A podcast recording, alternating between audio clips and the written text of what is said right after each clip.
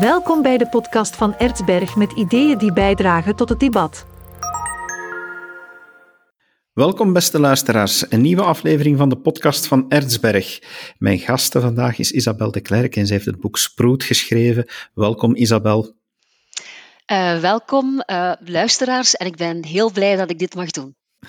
Wij zijn ook heel blij dat we dit gesprek met jou kunnen hebben, want jouw boek, dat is wel een bijzonder boek. Uh, ik, ik, wil beginnen bij de titel, want op zich, ik, de titel en de cover eigenlijk. Uh, ik, ik, vind het eigenlijk een zalige cover. Uh, als, ik, als ik naar dat boek kijk, naar die foto, die, die mooie foto, uh, die sproetjes die daarop aanspreken en dan ja, die titel Sproet erbij. Sorry, misschien gebruik ik het verkeerde woord, maar bij mij komt dan onmiddellijk de emotie schattig naar ah, boven. Dat wou ik eigenlijk helemaal niet zijn. maar mooi, ik luister. Wel ja, daarmee, ik stuur er ook een beetje op aan, omdat ik wel verwacht dat dat niet de emotie is die, die jij ermee bedoelde. En, en misschien daarom dan de vraag, waarom die titel en, en wat had jij gehoopt om ermee te scoren? Wel, eerst en vooral, mijn eerste bedoeling was dat, uh, dat ik eigenlijk met een foto op de cover zou staan en in close-up. Maar ik heb een zekere leeftijd, ik ben ondertussen 54 en mijn zus, die een paar jaar jonger is, die had gezegd, dat vind ik echt geen goed idee, je bent er te oud voor. En zou het niet beter zijn om Lara je dochter op de cover te zetten. Lara, die trouwens nog meer sproeten heeft dan, uh, dan jij. En ik was eigenlijk in het begin niet zo gecharmeerd door haar opmerking, maar ik heb het toch gedaan en ik ben er ook, uh, ik ben er ook blij mee. Nu, in verband met de titel. Um, wat je moet weten is dat Sproet eigenlijk mijn tweede verhalenbundel is. De eerste verhalenbundel heb ik uh, uitgegeven in eigen beheer. En daarvan was de titel Gekruld. Gekruld omdat ik veel krullen heb, maar ook omdat ik de dingen vanuit de realiteit verdraai. Hè, dus vandaar ook krullen. En er wordt wel eens gezegd gekrulde haren, gekrulde zinnen hè, van vrouwen met krullen, maar ik weet, niet, ik weet niet of dat waar is. En dan, ik heb eigenlijk mijn, eh, mijn verschillende titels die ik in mijn hoofd had, ik heb die bijgehouden. En weet je wat mijn eerste mogelijke titel was, dat was uh, dubbel gekruld. En dan was de volgende optie uh, stijl, dus het tegenovergestelde van gekruld. Maar dan had ik Polaroid. En eigenlijk was Polaroid, daar was ik echt helemaal gek van. En waarom Polaroid? Het is trouwens ook een van de titels van een van, het is een titel van een van de verhalen. Het gaat om over het feit dat we ja, in onze herinnering dat we ook weer dingen uh, verdraaien, dat het een, een patien krijgt, ten goede of ten slechte. En ik had al echt helemaal mijn cover ook voor ogen. Het ging iets 70s-achtig zijn met geel, oranje en bruine tinten. Maar toen zei Karel, de uitgever, ja, maar Isabel, Polaroid, ik denk dat dat niet mag, want misschien staat er wel een patent op. En dat was dus inderdaad ook zo. Dus ik mocht Polaroid niet gebruiken. En ik moet toegeven dat ik dan een aantal dagen van slag was. Um, en toen had ik voor ogen, en dat is helemaal het tegenovergestelde van schattig, namelijk uh, Lucifer. Uh, omdat ik toen al die, die foto van Lara voor ogen had. Dus helemaal het tegenovergestelde van het, uh, van het schattige dat jij voor ogen had. En het was 1 september. Het was heel lekker weer. We zaten samen met het gezin buiten aan tafel. En ik zei tegen de kinderen, ik denk dat uh, de titel van mijn boek, dus het mag niet Polaroid zijn, maar het wordt dan Lucifer. En toen zei mijn zoon Karel, ja, maar dan zegt hij dat... Uh, dat klopt niet. Dat, het is geen vervolg dan van, uh, van gekruld. Het klopt niet. Het moet iets zijn dat in het verlengde daarvan ligt. En wat zou dat dan kunnen zijn? En hij liet een aantal seconden stilte en hij zei sproet. Want zegt hij, sproet is ook iets dat iets zegt over jouw uiterlijk. En ik dacht even na en toen zei ik, sproet zal het zijn. Dus dat is de ontstaansgeschiedenis van de titel van het boek. En ik ben er nog altijd heel blij mee. Dus, en de associatie die ik daarmee maak is eerder zo het... Uh, ja, het, uh, het, inderdaad wel het guitige. Uh, het is ook heel uh, positief, maar ook een beetje wat mysterieus. Het zit er allemaal in. Dan blijf ik er toch schattig aan toevoegen. Want, ik, zoals ik, je wil. Ja, zoals je wil. Ik, ik, ik vind, ik vind uh, als ik met jou praat, vind, vind ik dat het, dat het schattige ook naar boven komt. En uh, ik vind ook de verhalen ook, ja, ja er komen zo tegenstellingen naar boven, maar, maar wel positieve vibes. Um, om dan dat woord te gebruiken, omdat ik er geen beter voor vind. Maar ja, ik, ik weet niet, hoe kom je eigenlijk tot die verhalen? Ja. Ja, eigenlijk is het zo dat er iemand jaren geleden op mijn pad is gekomen via sociale media, via Facebook. Zijn naam is Omar Mohoud. En ik noem hem soms de, uh, de moslim Jezus. Want hij, hij, is, hij is moslim, maar ik kwam op mijn pad als een soort van een Jezusfiguur tijdens de Ramadan van 2016. En hij zag me dingen schrijven op Facebook en hij zei tegen mij, ja, ik wil graag eens met jou afspreken. En toen kwam hij bij mij thuis. En ik wist niet goed wat ik hem kon geven, iets te drinken of niet. Um, en toen zei hij van, uh, ik, ik ben hier om, om, om jou te zeggen dat het, een, dat het goed zou zijn dat jij een boek schrijft. En ik dacht, wat komt die man hier in mijn leven doen? Ik, heb heel, ik weet helemaal niet waarover hij het heeft. Het was nogthans een fijn gesprek, maar na een uur was hij weg. Maar hij had wel een zaadje geplant in mijn hoofd. En een aantal dagen daarna ga ik naar een Indisch restaurant in Antwerpen. En ik zie daar echt een hilarische scène, een Woody Allen-achtige scène. En ik kom thuis en wat doe ik? Ik begin een verhaal te schrijven op Facebook. En ineens komen er veel reacties, veel likes en zelfs iemand die zegt, maar dit lijkt wel de start van een boek.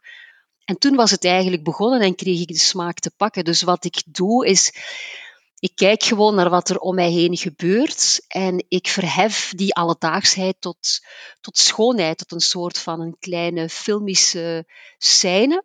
En dat zorgt ervoor dat ik, ja, dat mijn blik, dat, of, of dat het leven eigenlijk intenser beleefd wordt. Het is een soort van intensifiering van het, uh, van het leven. Dus ik kijk ik kijk gewoon naar wat er gebeurt. En er wordt wel eens gezegd dat een goede storyteller is vooral iemand die goed kan observeren. Wat ik wel heb gemerkt is, ik kan het alleen maar als mijn antennes en mijn zintuigen ook helemaal openstaan. Dus als, er, uh, als ik echt helemaal in een positieve mood ook ben. Dus als ik gespannen ben of gestresseerd ben, dan, dan, lukt, het me, dan lukt het me niet. Maar ik vertrek gewoon vanuit, uh, van wat ik zie en wat ik hoor en uh, wat ik ruik. En als je goed kijkt, is er elke dag heel veel te zien. Dat valt ook wel op wanneer je het leest. Het is, uh, soms sta je erbij stil van, van hoe gewoon het enerzijds is, maar door de taal die je gebruikt en, en de aandacht die je hebt voor bepaalde details, dan wordt het heel vatbaar, heel tastbaar. Dan is het, dan is het ook alsof, alsof je er voor een stuk in zit en wordt het heel herkenbaar, want het is heel persoonlijk, maar ik denk dat, dat heel veel van, van, van de verhalen, of toch alleszins delen ervan, heel vaak herkenbaar ook zijn. En als ik zo hier en daar hoor, en ik, en ik praat met andere mensen die het boek bij ons hebben gekocht, het herkenbare, dat hoor je nogal wel eens vaker naar boven komen. Dus ik denk dat het toch wel, wel iets is wat, uh, wat typerend is, als ik, als ik dat zo mag zeggen. Ja, dat van die herkenbaarheid, dat is een, uh, een feedback die ik gekregen heb van vele lezers. Wat ik ook heel fijn vind, is dat lezers de tijd nemen om mij dan een, met, met mij hun leeservaring te delen. En die herkenbaarheid die komt, vaak, uh, die komt vaak terug. Wat ik ook toch een beetje raar vind, want het zijn wel heel persoonlijke verhalen. En dan denk ik eigenlijk dat, wij denken allemaal dat onze levensloop heel uniek is. Dat wij heel uh, unieke ervaringen hebben.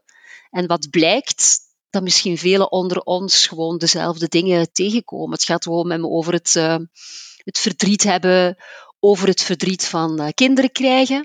Het gaat over um, teleurgesteld geraken in relaties.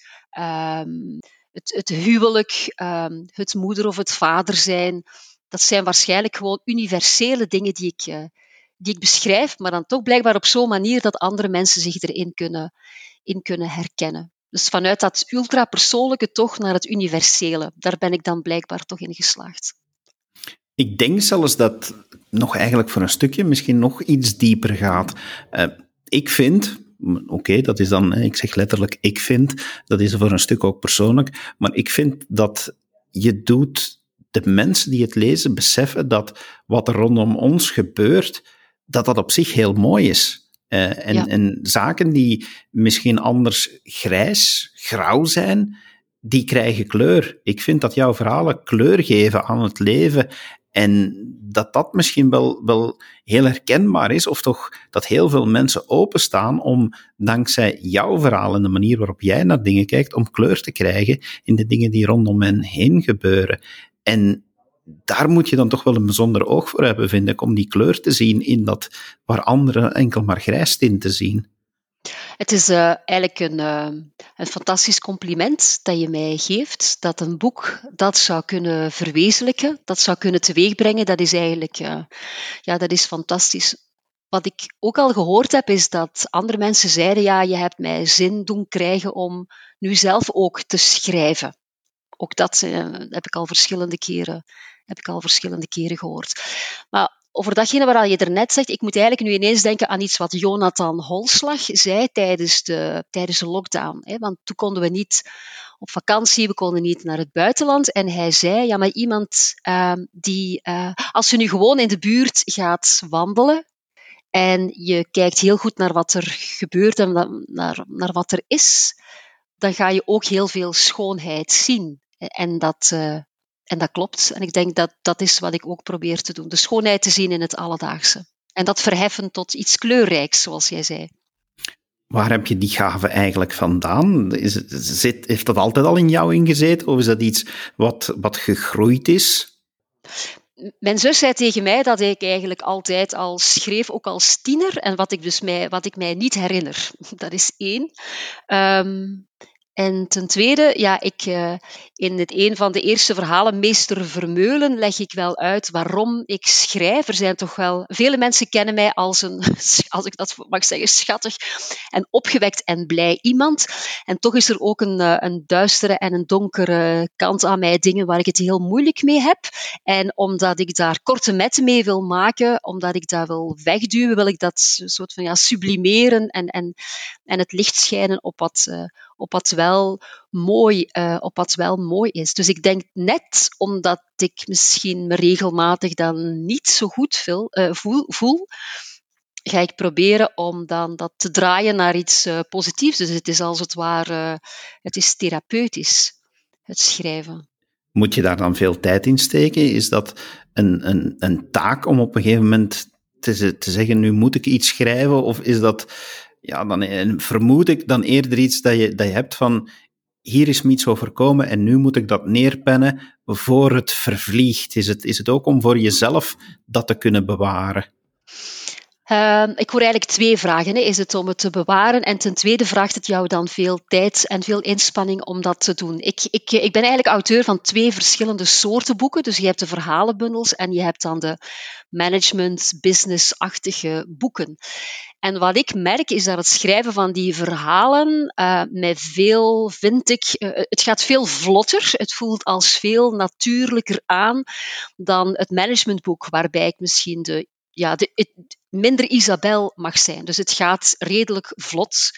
Er zijn sommige verhalen die, uh, bijvoorbeeld, er is iemand en die zei me: Het mooiste dat erin staat is iets dat bijna een gedicht lijkt en dat heet Verdriet. Ik denk dat ik dat geschreven heb op op één minuut. Want het, het gulpte het als het ware uit en soms voelt het als, het spijt mij voor de vieze uh, vergelijking, maar als, als overgeven. Het moet er gewoon uit. Hè? En, dus dan, en hoeft het zelfs ook niet geredigeerd te worden. En dan andere dingen, uh, daar heb ik toch wat meer tijd voor genomen. Maar als ik het dan daarna lees, heeft het nooit iets van, ah, dat is krampachtig of daar is veel aan geschrapt of, of weet ik veel. Het, het voelt altijd als goed, maar heeft wel wat meer tijd gevraagd. Maar het, het, het, is nooit dat krampachtige dat ik soms heb bij van, oeh, ik moet nu een blog schrijven of zo. Dat heb ik nooit als ik die verhalen schrijf. Uh, dat heb ik, uh, nee, dat heb ik niet. Uh, maar er zijn wel ja, verhalen. Dus bij, bij Gekruld is er dat verhaal over, laten we zeggen, de, de, MeToo-affaire aan de Universiteit van Gent. En het moest als het ware nog eens opnieuw geschreven worden. Dus dat is dan toch een soort van een verwerkings, uh, verwerkingsproces. Maar uh, ja, sommige verhalen zijn er in één pennetrek, als het ware, uh, uitgekomen. En dus anderen hebben wat meer tijd gevraagd. Maar het was nooit ook tegen mijn goesting dat ik zoiets moest herlezen en dan verbeteren. Ik, uh, want sommige mensen die uh, auteur zijn, die zeggen, oh, toch vervelend, dan moet je dan nog eens lezen en dan nog eens verbeteren. En om een duur ben je het echt beu. Dat had ik bij dit helemaal uh, niet. Dat bleef eigenlijk een heel leuk, een leuk proces. Dus ik heb hele mooie herinneringen aan het schrijven. Ik heb natuurlijk uh, regelmatig te maken met mensen die, die mij vragen, uh, uiteraard als, als bedrijfsleider van de uitgeverij, van oké, je, je bent enthousiast over dit boek, maar leg mij nu eens uit, waarom moet ik nu specifiek dit boek lezen? En Ik moet zeggen, bij jouw boek ligt me dat iets moeilijker om te beantwoorden. Niet omdat ik vind dat mensen het niet moeten lezen, maar uh, we hebben heel veel boeken waar je heel duidelijk kan zeggen van, ja, oké, okay, dit, dit feit of, of, of dat idee wordt daarin besproken. En bij jouw boek is het gewoon omdat het zo mooi is. Maar dan zie je mensen kijken van, ja. omdat het mooi is, ja, oké, okay, dat ga jij natuurlijk wel zeggen, hè, je werkt voor de uitgeverij, wat zou jij zelf antwoorden op die vraag? Want ik vind het een moeilijke vraag. Ik vind het, vind het een heerlijk boek, maar, maar ja, het is, het is mij zo ja. ongrijpbaar om het, om het in één zin te kunnen zeggen. Het lukt mij niet om het in één of twee zinnen te zeggen. Ja, ik denk. Uh, de, de, het is mooi en, en, en, en een woord dat ik vaak gebruik is ja, uh, schoonheid. Ja, het, uh, of dat je nu een boek schrijft, dus een boek maakt, of dat je een schilderij maakt, dat wel een, een mooie foto maakt. Het gaat dan eigenlijk over de esthetiek. En ik denk dat wat ik, wil, wat ik wil geven aan de lezer is eigenlijk een esthetische ervaring. Ik denk dat het, uh, ik denk dat, het dat is. En dan nog eens uh, toch wel zeer emotietriggerend. Ik heb al zoveel mensen gehad die mij gezegd hebben, ik begon te schaterlachen bij deel 1 en deel 2 en bij deel 3 heb ik echt moeten huilen ja, dat is wel straf als je dat kunt doen met een aantal uh, verhalen. En dan is de vraag van, ja, willen mensen dan getriggerd worden? Dus het is een esthetische ervaring en, en het, uh, het, het, uh, het raakt je in het, in het diepste van je tenen. Hm. Ja, dat, dat kan ik beamen. En het is in die zin een vraag die mij verwondert, die ik ook al wel eens gekregen heb.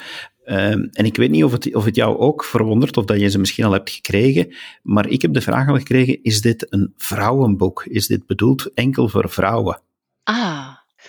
Uh, er zijn wel al veel vrouwen die het gelezen hebben, uh, maar er zijn ook al veel mannen die het, uh, die het gelezen hebben.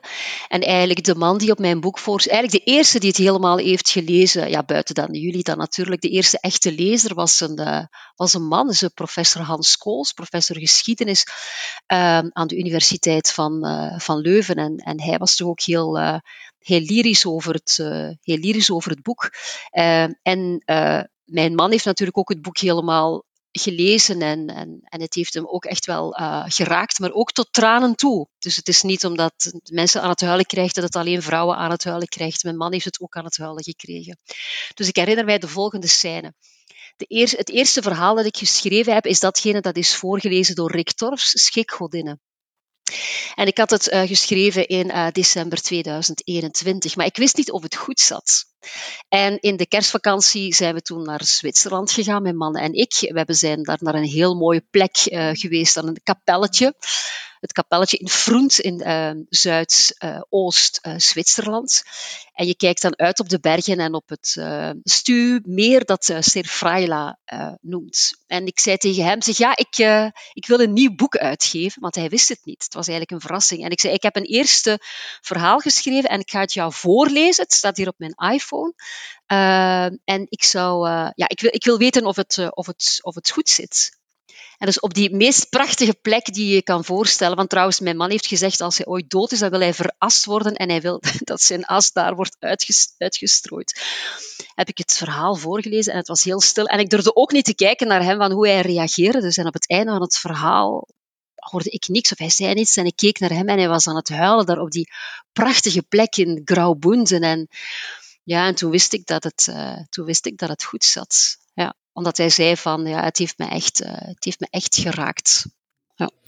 Ik denk dat de kunst van het raken, want je zei daar net, uh, esthetiek, um, er zijn raakvlakken, effectief raakvlakken, of je kan het zelfs ronduit gewoon kunst noemen, uh, wat, wat je gemaakt hebt, omdat het net emotioneel mensen raakt. En ik denk dat, dat alles wat, wat emotioneel kan doordringen tot iemand, dat dat de titel kunst verdient.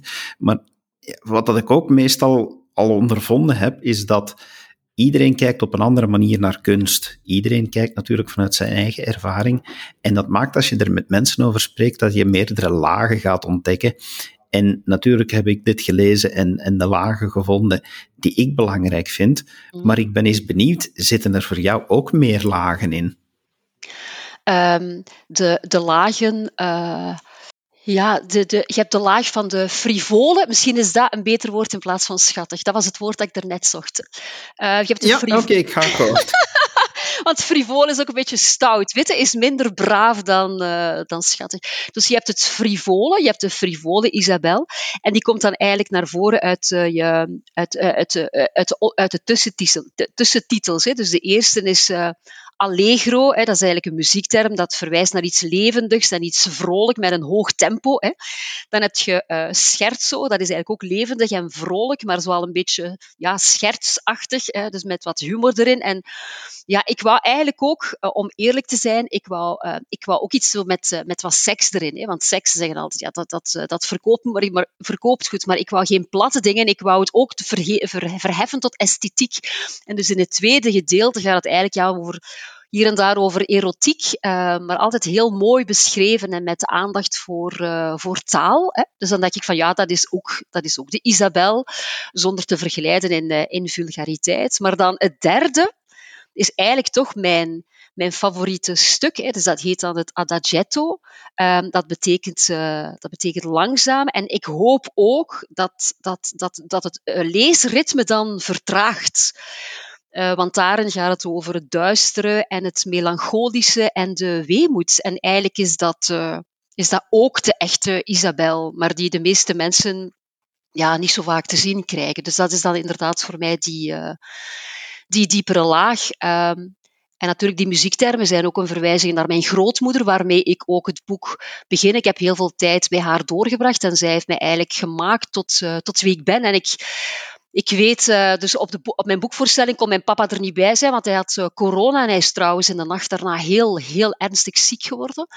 Um, en hij zei me, hij, is toen in het ziekenhuis uh, geraakt, hij is door het oog van de naald gekropen, maar hij heeft mij achteraf gezegd, ja, mocht u Marijn, dus mijn grootmoeder aan wie het boek is opgedragen, mocht, dat zou echt voor haar het het summum geweest zijn hè, van Isabel, die een boek uitbrengt en dan die boekvoorstelling. Uh, ja, dus dit is ook wel een beetje een ode aan, uh, aan de opvoeding, een ode aan de, aan de grootmoeder. Maar ook het willen naar voren schrijven van dat uh, weemoedige en dat, en dat donkere, wat, wat vele mensen niet in mij zien. Ik vind dat hoe meer je erover nadenkt en dergelijke, en, en hoe meer je ook dieper ingaat op die diverse lagen en dergelijke, meer dat je, dat je begint te beseffen dat uh, de quote van Lucas van der Talen, dat, dat die eigenlijk wel, wel heel raak is. Hè. Ik, ga, ik ga die even lezen. Er staat ook op onze, op onze website. Um, en, en ik, vind het, ik vind het bijzonder. Ik ga, ik ga even citeren. Isabel de Klerk schrijft intrigerende verhalen over banale en absolute niet-banale gebeurtenissen in haar leven. Haar stukjes zijn soms zo verrassend kort dat je dubbel zoveel tijd nodig hebt om ze te laten bezinken. Je herleest ze nog eens en pas na een derde keer begrijp je waarom, je zo waarom ze je zo ontroerd hebben. Soms kan je niet anders dan lachen, bij anderen krijg je tranen in de ogen. Als je sproet neerlegt, heb je meteen zin om het opnieuw te lezen. Ik vind dat heel bijzonder. En in het begin dacht ik van, ja, oké, fijn, we hebben een heel leuke quote om, om mee te geven met het boek. Maar die is wel echt bijzonder raak, hè, van, van, van die, die, die Lucas, eh, als hij jouw boek hierin beschrijft. Toen dat binnenkwam via mail, ik, ik, kreeg echt kippenvel. Ik dacht van ja, dit is het. Dus ik, ik was ook echt super blij met wat hij geschreven had. Uh, het feit dat sommige dingen zo kort zijn, maar dan toch naar de keel grijpen. Dat je kan lachen, maar dat het jou ook aan het huilen brengt. En dat je opnieuw wil lezen. Dus ik heb zelfs iemand die het tot drie keer toe heeft gelezen. Ja, dat, uh, dat komt vaak terug. En ik moet ook zeggen dat ik heel blij ben met, uh, met de quote die Lucas heeft gegeven. Ja, absoluut als je nu zelf terugkijkt, je hebt nu je hebt ervaring al van verschillende boeken en, en sommige van je boeken zijn, zijn droog. Zo, je gaf het al aan, managementboeken. Uh, ik ben zelf manager, dus ja, soms is dat ook gewoon droge kost. Laat ons daar eerlijk in wezen en, en gelukkig dat, dat dat ook kan. Maar als je dan naar dit boek terugkijkt, heb je dan het gevoel dat, dat dat er nog gaat komen? Eigenlijk wil ik dat weten. Van, van als, ik dit, als ik dit heb neergelegd, van, dan, dan had ik zoiets van: oké, gaat er nog zoiets komen? Jij bent nu al de zesde die dat aan mij vraagt. Echt, ik heb het bijgehouden. Ik heb streepjes getrokken van wanneer komt het, uh, wanneer komt het vervolg. En ik heb, heb nu toch de indruk dat datgene wat moest geschreven worden, dat dat nu al geschreven is. Dus ik weet niet of er dan direct iets anders gaat komen. Maar ik zei dat ook in, uh, bij de start van onze kerstvakantie, toen ik samen met mijn man alweer naar Zwitserland ging. En we kwamen toen, uh, David, in, uh, in Zurich. En we kwamen in, een, uh, in het Paleontologisch Museum. en er waren fantastische fossielen. En sommige van die fossielen waren heel mooi. Alleen niet opgebaard, maar hadden een mooie plek gekregen. En er stonden heel poëtische namen bij. En die sfeer daar was zo speciaal. En ik kwam in ons appartementje en, en, en, en ik ben toen terug een verhaal beginnen schrijven. En uh, sommigen, hebben gezegd, ja, dit, dit is echt voor uh, Espro 2, weet je wel. Dus er zal, er, zal nog wel iets, uh, er zal nog wel iets komen. Alleen heb ik nu de, denk ik, de indruk dat ik business-wise, dat er eerst zo'n boek moet komen om een aantal boodschappen te geven. Nu, je zei van ja, managementboeken, dat is dan droog. Het is wel zo dat ik ben, ik ben dan eens onlangs terug gaan kijken naar mijn twee vorige boeken, mijn, twee vorige managementboeken. Uh, daar zitten stukken in die wat serieuzer zijn, maar eigenlijk de, de, de Isabel zit daar toch altijd wel ergens in. Soms heel uh, prominent aanwezig en soms een beetje verstopt. En Onlangs was ik iets, een koffie gaan drinken met een klant en ze zei, je moet ook in je managementboeken die Isabel-stijl wel behouden, want dat is dat wat, wat jou uh, onderscheidt van, uh, van andere managementboeken. En die van jou worden dan wel, wel echt gelezen, omdat ze ook zo fijn zijn om, uh, om te lezen. Ja. Ik ga me daarbij aansluiten. Isabel, dankjewel dat je de tijd hebt genomen om wat ja, wat meer te vertellen over, over dit heerlijke boek, over die prachtige verhalen die je hebt geschreven. Uh, het was leuk om daar nog een andere kijk op te krijgen van ja, jij die, die het gemaakt hebt. Dus super, dankjewel. Met heel veel plezier. En uw beste luisteraar, indien u het boek nog niet gelezen hebt, uh, er komt uh, een tweede druk aan. Die is binnenkort ook te krijgen op onze website. Dus mis uw kans zeker niet en geniet van deze verhalen. Graag tot de volgende keer.